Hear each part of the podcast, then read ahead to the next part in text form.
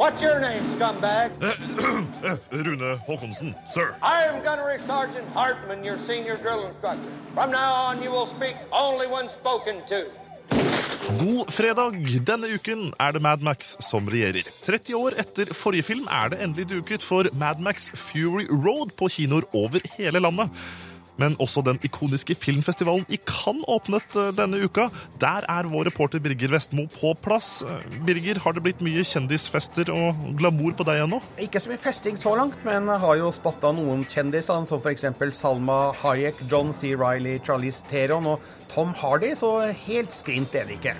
Det hørtes egentlig ganske så greit ut. Du, Birger, Norge deltar jo i hovedprogrammet i Cannes for første gang på 36 år. Joakim Trier viser Louder Than Bombs for første gang under festivalen eh, nå denne helga. Hva har du hørt om filmen eh, så langt i Cannes? Er det noe buzz? Ja, blant norske journalister er det i hvert fall store forventninger til Louder Than Bombs, men vi har jo også sett en del utenlandske nettsteder og blogger som trekker fram Louder Than Bombs som en av denne festivalens mest interessante filmer. Så eh, både nasjonalt og internasjonalt så er forventningene rimelig høye før filmen skal vises for første gang for verdenspressen eh, søndag kveld. Vi har altså ikke noen mulighet til å si noe om filmen helt ennå, men Birger, du anmelder den så snart du har sett den. Folkens, gå inn på p3.no filmpolitiet på søndag for å se dommen. Vi skal snakke mer med Birger i Cannes i løpet av disse to timene her på P3. Straks så blir det fullt fokus på Mad Max. Den filmen har også blitt vist i Cannes med stjernene til stede. Og Birger, du har bl.a. vært på en pressekonferanse. Var det artig å se eh, disse gutta i aksjon, da? Det var det. Spesielt regissør George Miller, som jo er 70 år, men har laga en film som om han var 25 og vill og gæren i huet. Og det var en tydelig fornøyd gjeng som møtte pressen i Cannes, vel vitende om at uh, filmen stort sett er blitt mottatt av svært positive kritikker. Mer om det om noen få minutter her på NRK P3. Filmpolitiet på P3. Mad Max Fury Road ble vist utenfor konkurranse på filmfestivalen i Cannes i går, samtidig med at den hadde verdenspremiere. Etterpå møtte stjernene fra filmen journalister fra hele verden på en gedigen pressekonferanse. Filmpolitiets egen general, Birger Vestmo, var til stede. Regissør George Miller og skuespillerne fra Mad Max Fury Road møtte et fulltallig pressekorps under en pressekonferanse på filmfestivalen i Cannes. Der avslørte George Miller at han opprinnelig egentlig ikke hadde lyst til å lage mer Mad Max. I never wanted to make uh, another Mad Max movie, uh, but the idea popped into my head and it just wouldn't go away, and you push it away, but it kept growing and growing. And one day I said Doug, I think we're going to make an another Mad Max movie, but I didn't realize it would take us over 12 years to, to be in this moment where we just finished two weeks ago. How do you know this place even exists? I was born there. So why'd you leave? I didn't. Mel Gibson spilte Mad Max i de tre første filmene George Miller regisserte. Nå er han bytta ut med Tom Hardy, briten kjent fra filmer som Inception, Warrior og The Dark Night Rises. Han ble glad for rollen, men skjønte at det kun blir vanskelig å følge i Mel Gibsons fotspor. Yeah, um, initially I was uh, super jubilant and really excited to land the part. And um, like any actor, you get really excited when you land a part because it's brilliant. And then I realized that you know that the uh, the role of Mel Mad Max is synonymous with Mel Gibson, and that you know there's a there's a, a large group of people who love Mel as Max, and if it's not Mel, then it's not Max. So you know it was a it was a little bit um, it was a little bit crestfallen moment for a second, but then um, what I what I understood from, from further conversations with, with George, because it was a concern that there, there, was no need to step in or replace or try to do better or try to bring something new. It, it was just um, ultimately George and Mel went on a journey for three movies, and the, the, the legacy still continues to develop. And at this point, it was time for me to switch switch in, and um, and ultimately. Max is led by George and was created by George, so I just had to, you know, take uh, comfort in, in George being the anchor of that and just do what he wanted me to do. Det tok tolv år fra filmen ble påtenkt til den ble fullført og vist under filmfestivalen i Cannes, og samtidig med verdenspremiere bl.a. i Norge. På pressekonferansen i Cannes ble Miller spurt om han kunne tenke seg å lage mer. Uh, uh, feels to me like I'm a woman who's just given birth to a really big baby, and and we finished 12 days ago, and and and then someone says, "Do you want to? Do, when are you going to have your next baby?" I'm just not uh, recovered enough to get into it. But you know, these characters live in your head, and and we've got a lot of backstories, and uh, and if we get the appetite again to go out into the wasteland, there's other films we've all wanted want to do, and. Um, yeah, so that, that's the, the answer I can give this moment now. I've just come out of labour.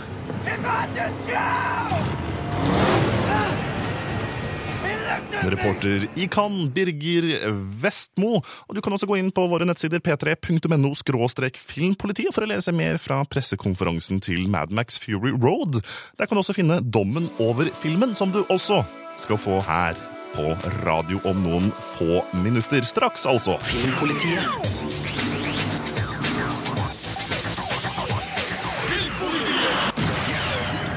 Filmpolitiet anmelder film. Once, I was a cop. A road warrior searching for a righteous cause. My name is Max.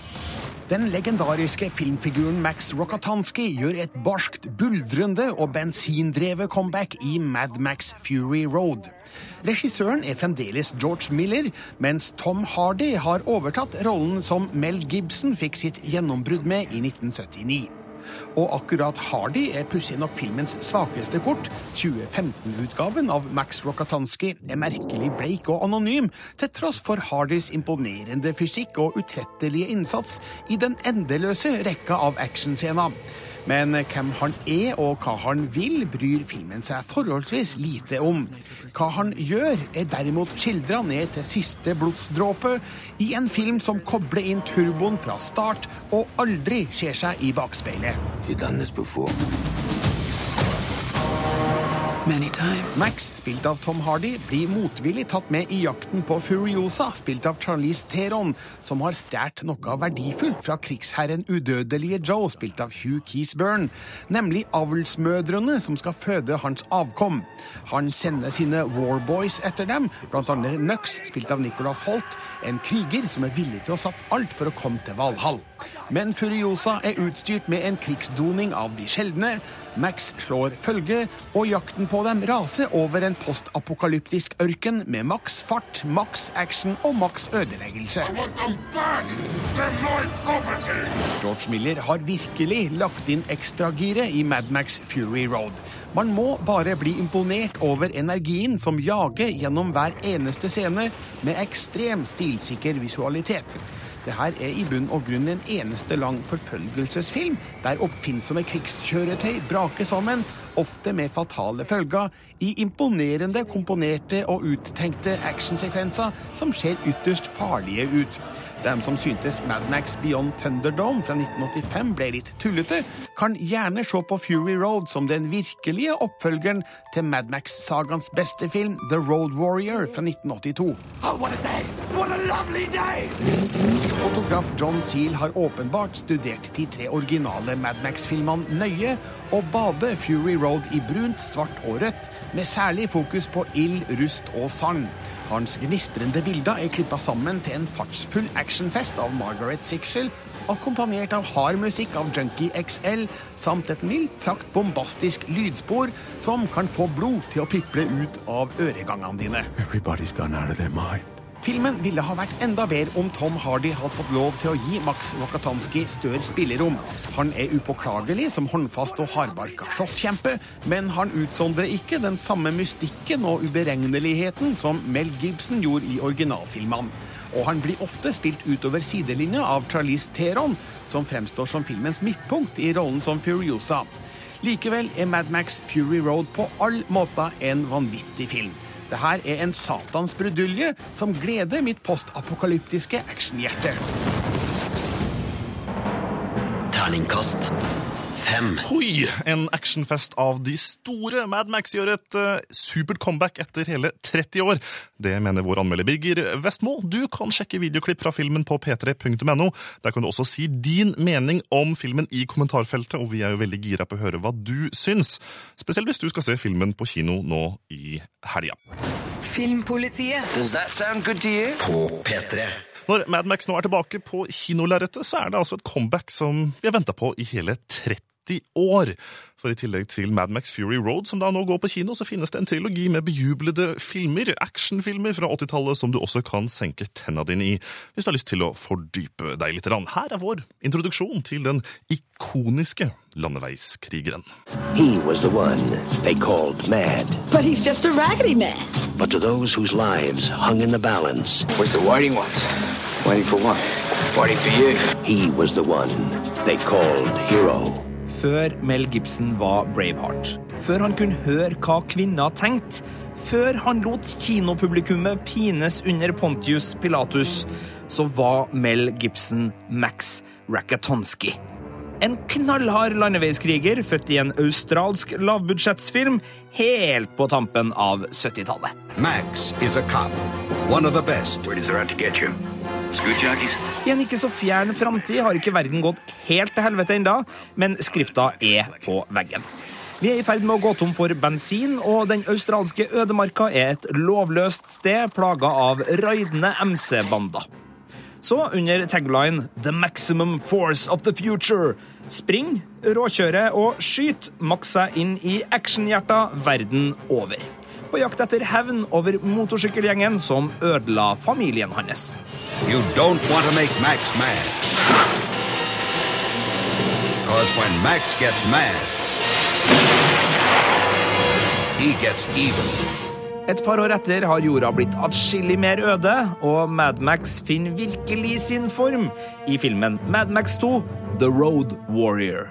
Give me the pump, the gasoline, the whole compound. This is a land that prays for a hero. Her er bilene utstyrt med maskingevær.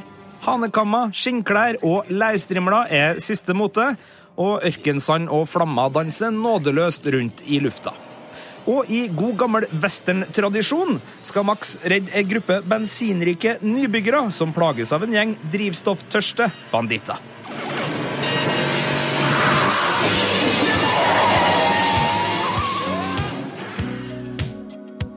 Noen år etter Mad Max 2 så smeller atombomba, og når vi møter vår helt igjen i Beyond Thunderdome, så må han sjekke vannet for radioaktivitet før han slukker tørsten. Denne gangen er Max i byen, en by hvor Tina Turner styrer galskapen fra skurketrona. Grisedritt er drivstoff, og underholdninga består av gladiatorkamp til døden i metallkula Thunderdome. Ladies and gentlemen, boys and girls. Dying times here. Fra musikkvideoen til California Love med Tupac, via utseendet til hardrock-gruppa Mutley Crew, eh, til filmer som Waterworld. Mad Max har vært en institusjon når det gjelder hvordan vi ser for oss et postapokalyptisk ørkensamfunn. American International presents Mad Max, the maximum force of the future.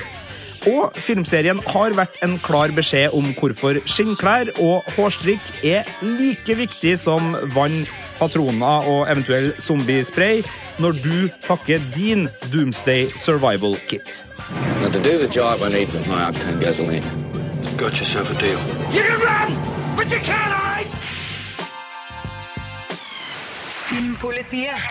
Dette er P3. Vi skal tilbake til Cannes, hvor det ikke er Star Wars som er i fokus. Birger Vestmo, i fjor så var åpningsfilmen Grace of Monaco en film eh, du og mange andre ga ganske hard medfart. Hvilken film er det som har åpna festivalen i år? Ja, I år var det en eh, fransk film som heter La Tête Haute, hvis det er riktig fransk uttale. Beklager hvis det ikke var det.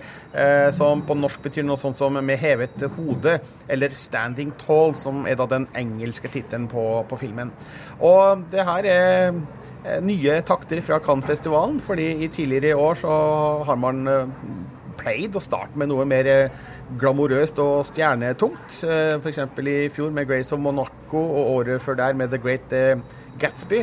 Men eh, nå har man valgt å starte med et hjemlig produkt, eh, fremdeles med én stjerne i, i filmen. da. Catherine Deneuve er jo en god veteran. Benoit Margimel er også kjent i Frankrike, kanskje ikke så kjent utenlands. Je suis juge des enfants. Je suis pas la police. Vous n'êtes pas devant un tribunal. Mon rôle, c'est de protéger les enfants dits en danger. Eh ben garde-le, y a pas de problème. De toute façon, bonne chose parce que c'est un boulet pour tout le monde ce gosse. Pas la faire Men eh, dette var et eh, helt ålreit, uh, velment og velspilt eh, drama. Det handler om en ung eh, gutt som eh, sliter med atferdsproblemer. Eh, Catherine Deneuve spiller da en dommer som sender han til et ungdomshjem for å få han på rett kjøl.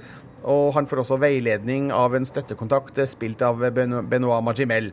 Og vi følger jo da den 15 år gamle Maloney, spilt av Rod Paradot, eh, på veien fremover, uten at vi trenger å utdype det mer. Jeg syns det var helt greit drama, men eh, som åpningsfilm i Cannes så syns jeg kanskje det ble litt for tørt og, og ordinært. Og det kan også skyldes det faktum at tematikken i filmen minner ofte veldig om fjorårets kanonfilm under festivalen, nemlig 'Mommy', eller 'Mamma', av eh, Xavier Dolan, som eh, nå faktisk er et av jurymedlemmene eh, her i Cannes. Eh, Så det er mulig at eh, jeg hadde den litt vel friskt i minne da jeg så Latet Åt. Men eh, om det ikke var en kanon-pang-åpning på festivalen, så var det en helt grei start, i hvert fall. Terningkast fire. Du kan lese alle våre kan-anmeldelser og reportasjer på p3.no.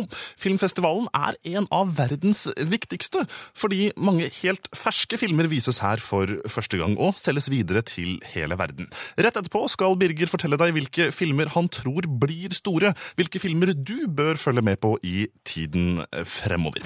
Dette er Filmpolitiet på P3. P3. Vi skal tilbake til filmfestivalen i Cannes, som begynte denne uka og fortsetter godt ut i neste uke også. Eh, Birger Vestmo, du er på plass eh, på Croisetten i Cannes, du. Og, og det er jo en festival hvor mange filmer vises for første gang, og, og derfra tar sine første skritt ut i verden. Hva slags stalltips har du til oss som sitter i Norge? Hvilke trailere bør vi se? Hvilke filmer bør vi, bør vi sjekke ut? Ja, det er mye interessant nå fremover. Altså, I dag vises det to filmer i hovedprogrammet, nemlig The Lobster av Jorgos Lantimos med Colin Farrell og Rachel Weisz i hovedrollen. Uh, mens uh, senere i kveld vises The Sea of Trees av Gus van Sant med Matthew McConaughey i hovedrollen. Um, og så har vi Carol uh, i morgen, et nytt drama fra Todd Haynes med Kate Blanchett og Rooney Mara som et lesbisk kjærestepar i New York på 1950-tallet. Og så da, søndag på sjølveste 17. mai, da er det da endelig klart for Louder Than Bombs av Joakim Trier. Og det er de filmene som jeg har tenkt å bruke mest tid på da de nærmeste dagene her i Cannes. En av de som, som jeg har blitt litt nysgjerrig på, er en Pixar-film, en animasjonsfilm som på norsk heter Innsiden ut. Det er ikke en veldig typisk Cannes-film, dette? Nei, men den stiller da utenfor eh, konkurranse. Den er altså i det offisielle programmet, men eh, den konkurrerer ikke om Gullpalmen. Og slik eh, har det gjerne vært de siste åra, at det er alltid en eller annen amerikansk animasjonsfilm som, som vises her. Se opp var riktignok med i hovedprogrammet da, da den kom, men fjorårets Dragetreneren 2 ble også vist utenfor konkurranse. Og nå er det Pixars tur med Innsiden ut. Og eh, den er regissert av eh, Pete Doctor, som også sto bak Monsterbedriften og før nevnte Se opp. Og det skal visstnok da handle om eh, personifiserte følelser i arbeid i ei lita jentes hode.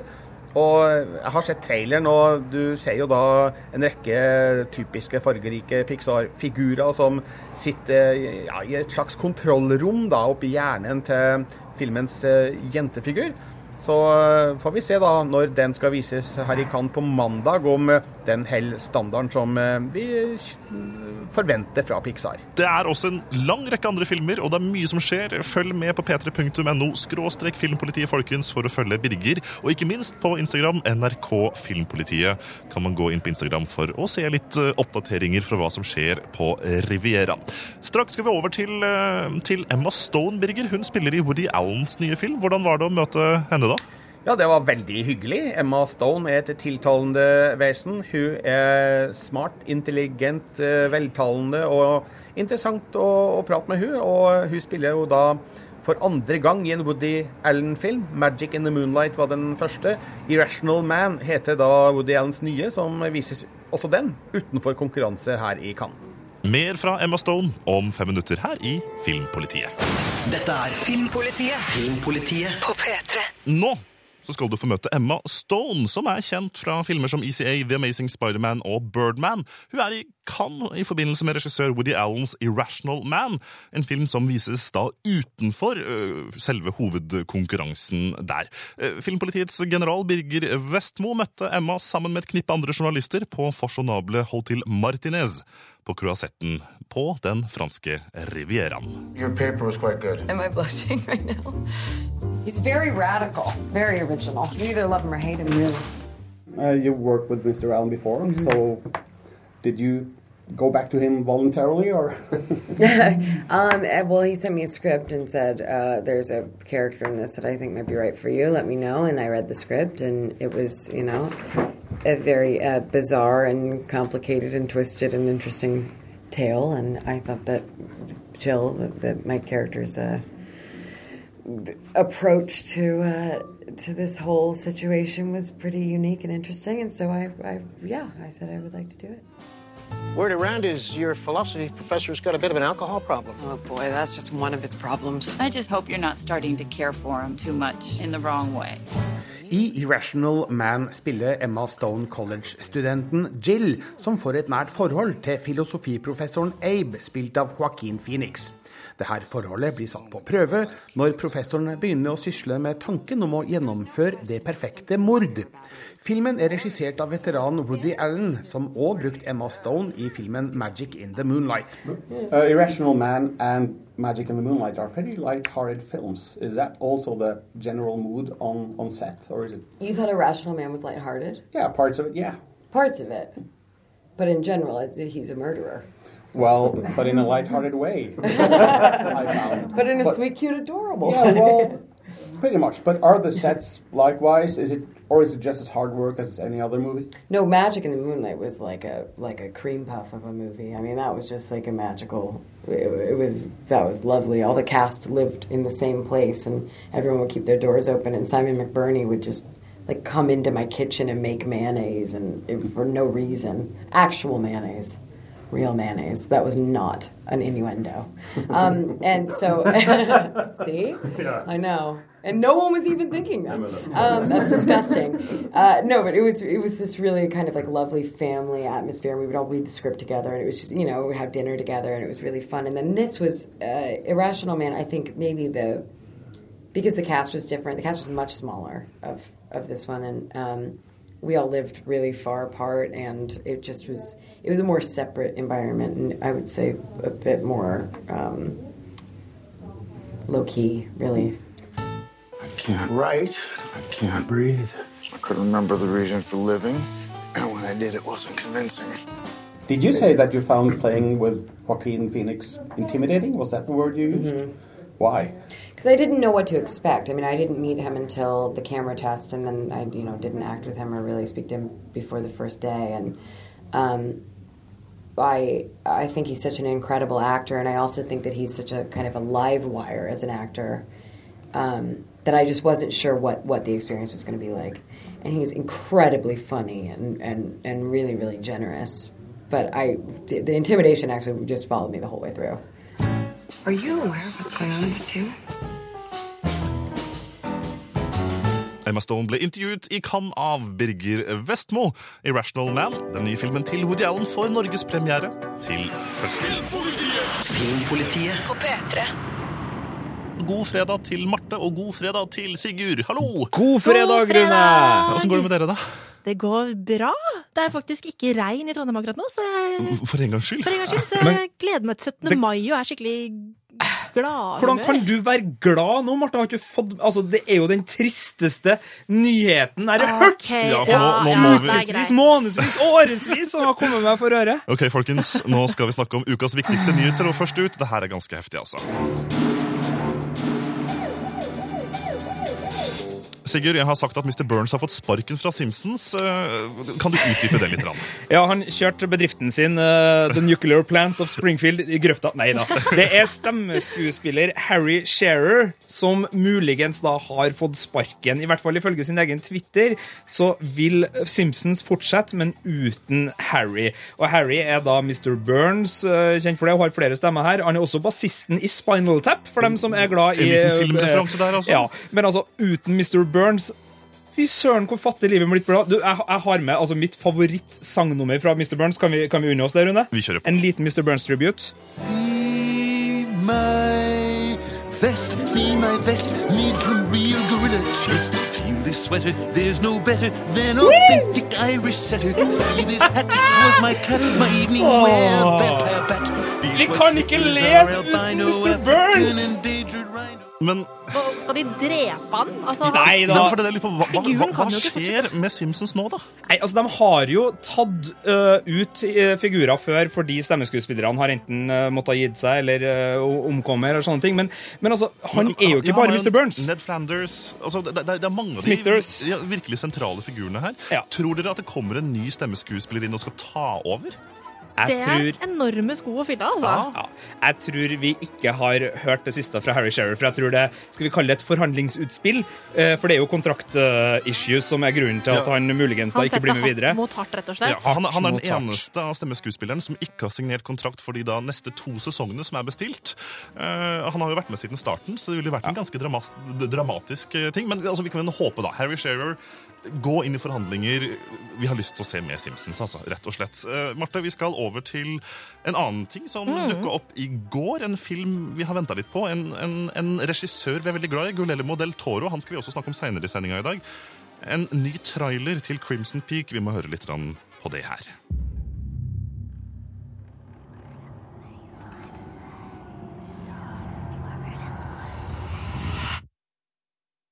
Ghosts are real. That much I know. I've seen them all my life.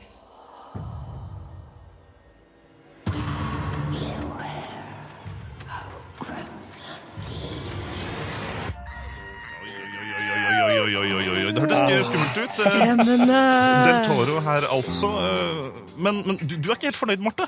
Altså, Altså, eh, Traileren er jo spennende. Den ene jeg har sett. da. du, det har kommet to trailere. De slapp to trailere samme dag. Den ene kalte de for eh, altså Legendary som la ut, eh, kalte de for Official Theatrical Trailer og Official International Trailer.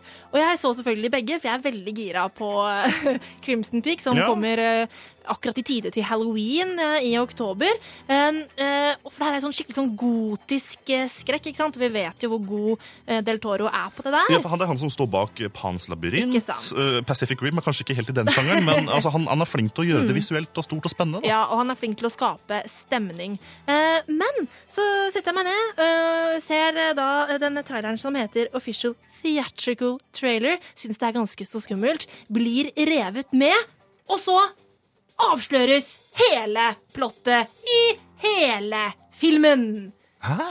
Altså, liksom Hele poenget med altså, Alt blir jo avslørt i traileren. Nå er okay. jeg så drittlei trailere. kanskje det blir det, Marte. Det, du vet jo ikke. Ja. Det kan jo være at det er et enda, Enda større twist. plot-twist Ja, lur der. Men altså, jeg blir så irritert over trailere som forteller absolutt hele historien. Jeg trenger ikke se Crimson Peak. Det er ja, men det er en sånn greie, det at trailer skal fortelle hele, hele historien. Mm. Og, og, så at, ok, folkens, styr unna Crimson Ja. Peak-traileren hvis du ikke har lyst til å få alt avslørt. Ja. Er det så enkelt? Ja, altså styr unna i hvert fall den som heter theatrical trailer, for den som heter international okay. trailer, er ikke så ille. Se kun international-traileren til Crimson Peak. Styr unna, styr unna, styr unna begge. Styr unna. Ja, ja. Så da, da har du en liten filmen. en- en- en- Ja. Men altså, det ser jo bra ut. Jeg ble jo vettaskremt av starten eh, på traileren. Altså, jeg syns jo uh, skape stemning, det kan. Filmpolitiet. Filmpolitiet. Les mer om film, spill og serier på p3.no Filmpolitiet. All right. Hva er det som har skjedd den siste uka, folkens? Har dere noen ting dere har lyst til å dele? Sigurd, eh, jeg syns jeg hørte at du, du var litt sint på Minecraft i dag, du. Du var sint på Minecraft? Ja, men nå, nå merker jeg med det underlaget her. Så var det så groovy og fint, og det ble blid igjen. Yeah, all right. Du, jeg var ikke sint på Minecraft. Jeg var sint på en eh, dokumentarfilm som jeg så i går. Ja, for det, det, det har vært en dokumentarfilm under produksjon ganske lenge som skulle Ja. fortelle litt om historien til Minecraft. Og, og, og, og det er jo tross alt en av de viktigste spillene fra nyere tid. Så Elsker Minecraft. elsker Minecraft. Into the Nether, var ikke det? Into the Nether heter dokumentaren. Har ligget, den kom i, i januar, tilgjengelig på, på iTunes. Så jeg Mhm. tenkte sånn her 99 spenn for en kul Minecraft-dokumentar. Har ikke noe bedre å gjøre på himmelspretten enn det.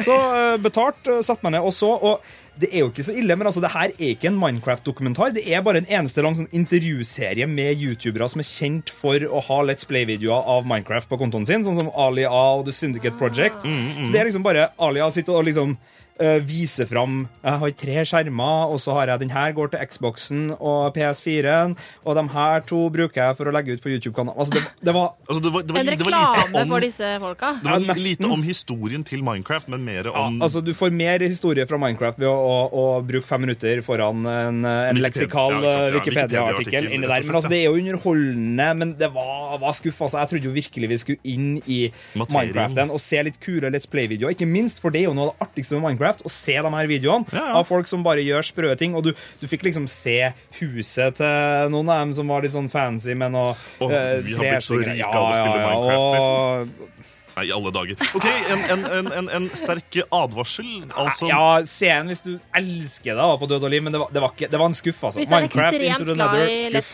Minecraft Into the Nether eh, ganske så skuffende. Vi skal snakke om et spill til som jeg vet mange venter på, The Witcher 3 om litt. Men Marte, aller først så eh, du har, på, du, du, har, du har gjort noe litt annet denne Ja, uka her, vet du. jeg tenkte sånn eh, Jeg driver jo og ser serier som jeg Men sant, nå har jeg sånn snakka om alle de seriene jeg følger over lengre tid. Jeg kan ikke snakke om Elementary Og vi skal ikke snakke om hver Game of Thrones i episode, dag, liksom. for gangs skyld. Liksom. Mm. Eh, Så jeg har hørt litt på lydbok, for det pleier jeg å gjøre når jeg eksempel støvsuger og vasker opp og sånn. Eh, Og denne uka her så begynte jeg å høre på denne klassikeren her. I had neither kith nor kin in England, and was therefore as free as air, or as free as an income of eleven shillings and sixpence a day will permit a man to be. Under such circumstances, I naturally gravitated to London, that great cesspool into which all the loungers and idlers of the empire are irresistibly drained. Det er så deilig språk. Og Men i alle, det her, hvem det her er det jeg som snakker her? Altså, det er narrator Simon Van som snakker, men eh, hvem er det han er stemmen til? Er det noe sånn Jack the Ripper-aktig område? Det er- Skal jeg si det? Du må bare si det. Det vi hørte her, var Watson som fortalte. For jeg har nemlig eh, kjøpt meg The Complete Sherlock Holmes Collection på lydbok. Men, men er det å gå altså, vi, har, okay, vi har sett uh, filmen med Robert Downey jr., serien sant, med, Mhm. med Bendik Cumberbatch. Åssen er det å gå tilbake til lydboka? Er ikke det litt Åh, sånn det er så retro? fantastisk! For jeg, eh, jeg er veldig glad i å høre på lydbøker, da. Men jeg er helt, blitt helt gal eh, etter Sherlock Holmes. eh, Etter at jeg på en måte ikke får nok av BBC sin Sherlock-serie. Og ikke minst Elementary, som også er en Ja, super Sherlock-serie. Som på en Altså. måte substitutt for Sherlock, så begynte jeg å se på Elementary, og jeg elsker Elementary. Eh, og nå har jeg da også begynt å høre på de klassiske verkene til Arthur Conan Doyle i tillegg, og det er nydelig. Filmpolitiet, altså film, spill, TV-serier, og nå også lydbøker. Lydbøker om filmfigurer. Om Yes. filmfigurer, vel Som egentlig er litterære figurer. Vi skal til kanskje et av vårens aller største spill. Once we were many. Now we are few. Hunters, killers of the world's filth. Witchers, the ultimate killing machines. Among us, a legend. The one they call Geralt of Rivia. The White Wolf. The White Wolf. Jeg gleder meg! På tirsdag så kommer altså The Witcher 3 Wild Hunt, et spill som har blitt utsatt, og vi har venta på det. Jeg ga The Witcher 2 terningkast 6 for et par år tilbake. Det, Det her har mye å leve opp til, ass. ja, det har det. Og jeg fikk spille Seile inn i postkassa denne uka her. Begynt å spille. Anmeldelse kommer i neste uke, for jeg, jeg må jo ta meg god tid. Dette er et stort, åpent rollespill, og jeg tenkte bare å dele kort mine førsteinntrykk fra, fra mine timer da, så langt med The Witcher 3. For det første så har det en god del bugs. Jeg må begynne med det negative her, altså. Eh, Det liker vi ikke å høre. ja, altså Nå spiller jeg en litt sånn tidligutgave, så jeg håper at det blir fiksa til selve lanseringa på tirsdag, men det er sånn at håret hans blåser i vinden innendørs, og hestene setter seg fast. og Det er litt sånne småting, og det har krasja en del. Men det, det er som sagt en tidlig versjon. Jeg håper at det blir fiksa til lanseringen på tirsdag. Det som er bra, det er kampsystemet, som er vanskelig, øh, som det skal være.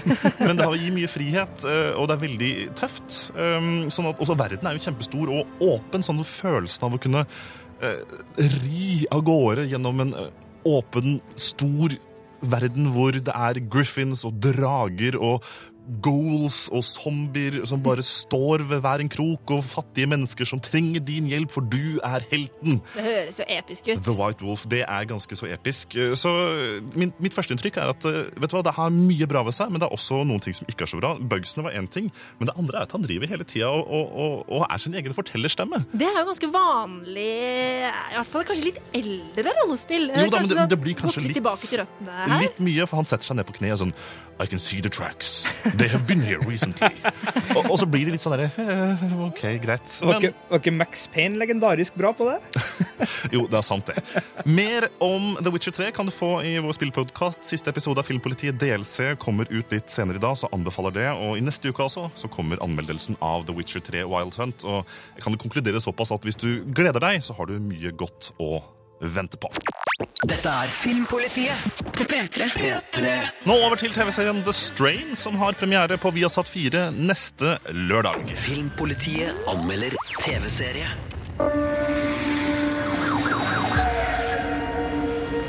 Oh my god.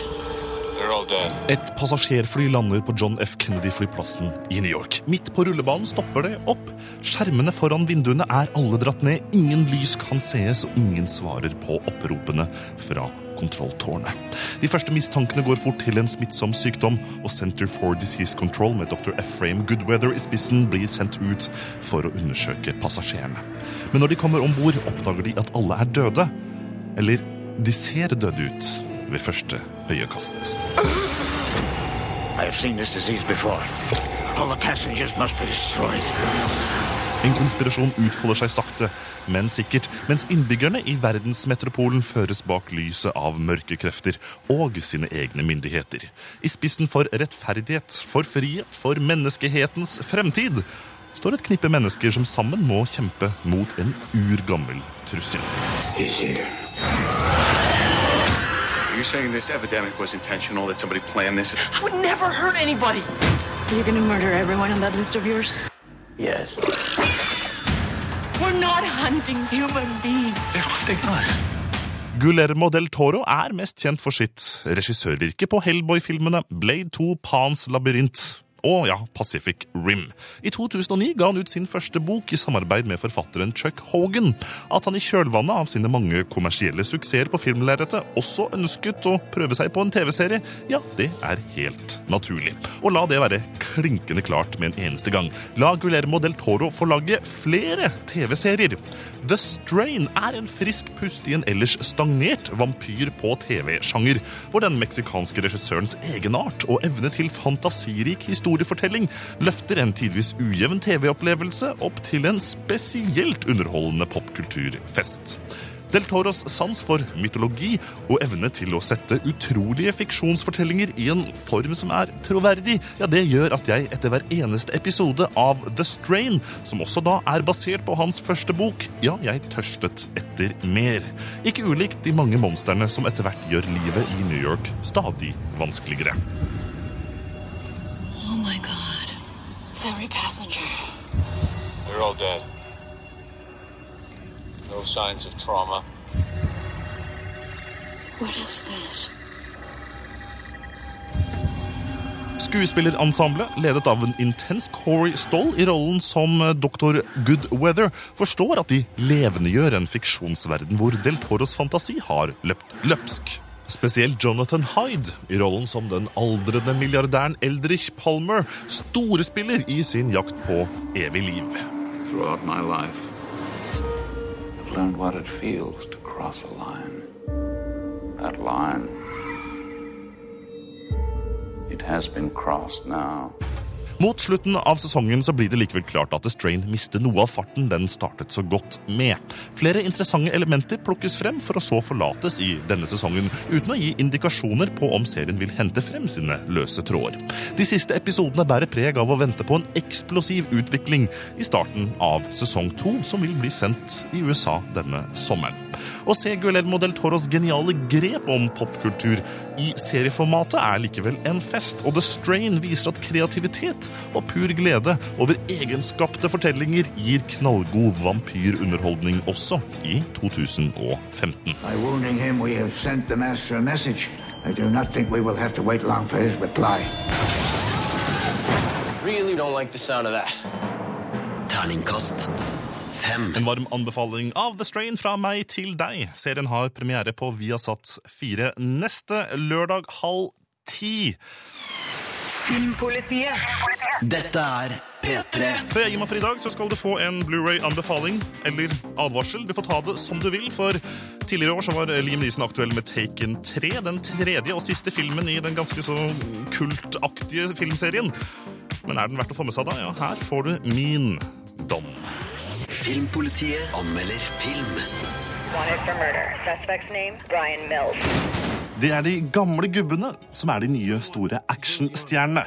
Liam Neesons karriere fikk en helt ny vending og ny opptur med Taken-filmene. I Taken 3 kaster han seg med raspende hviskerøst inn i nok en heidundrende ødeleggelsesfest. Etter at han reddet datteren og familien ved å ødelegge verdier for millioner i Paris i den første filmen, og i Budapest i Taken 2, er det nå den vestamerikanske metropolen Los Angeles som står til disposisjon. Lenny. Lenny. Leonore, spilt av Famke Jensen, blir funnet død på soverommet til eksmannen Brian Mills, spilt av Nisen. Politiet tror at han står bak, men datteren og gamle venner ja, de tror noe annet. Brian han er en mester i å komme seg ut av kinkige situasjoner, selv når det er lovens lange arm som forsøker å fakke ham. For å finne svarene og ekskonas drapsmann må han være på frifot en liten stund til, for kun slik kan han renvaske sitt navn. Og med det, ja, da følger det med eksplosjoner og ødeleggelser i urbane områder som er svært så spektakulære. Taken 3 har med andre ord en litt annen vri på historien enn de to foregående filmene. For det å redde datteren var det viktigste. At ingen skulle bli tatt, var et kriterium for at Neeson skulle gjenta rollen som Brian Mills for tredje gang. Det og da de godt og vel 150 millioner av kronene han får for jobben.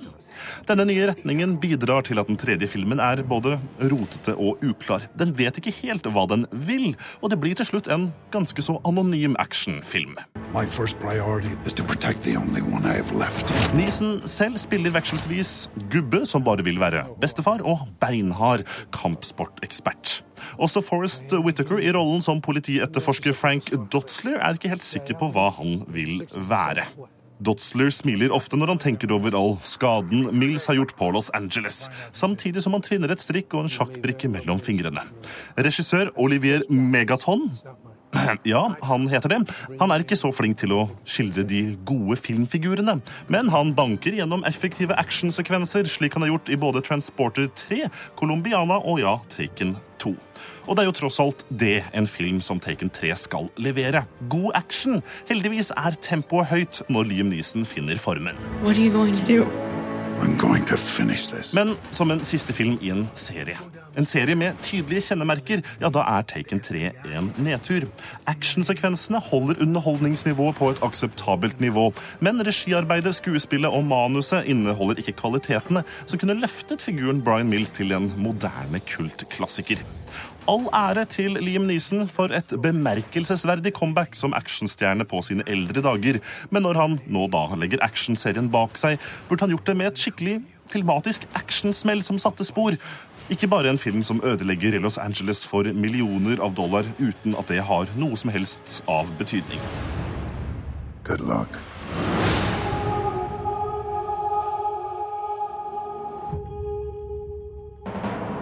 Terningkast tre. Hør Filmpolitiet om igjen når du vil. Og last ned podkast på radio nrk.no.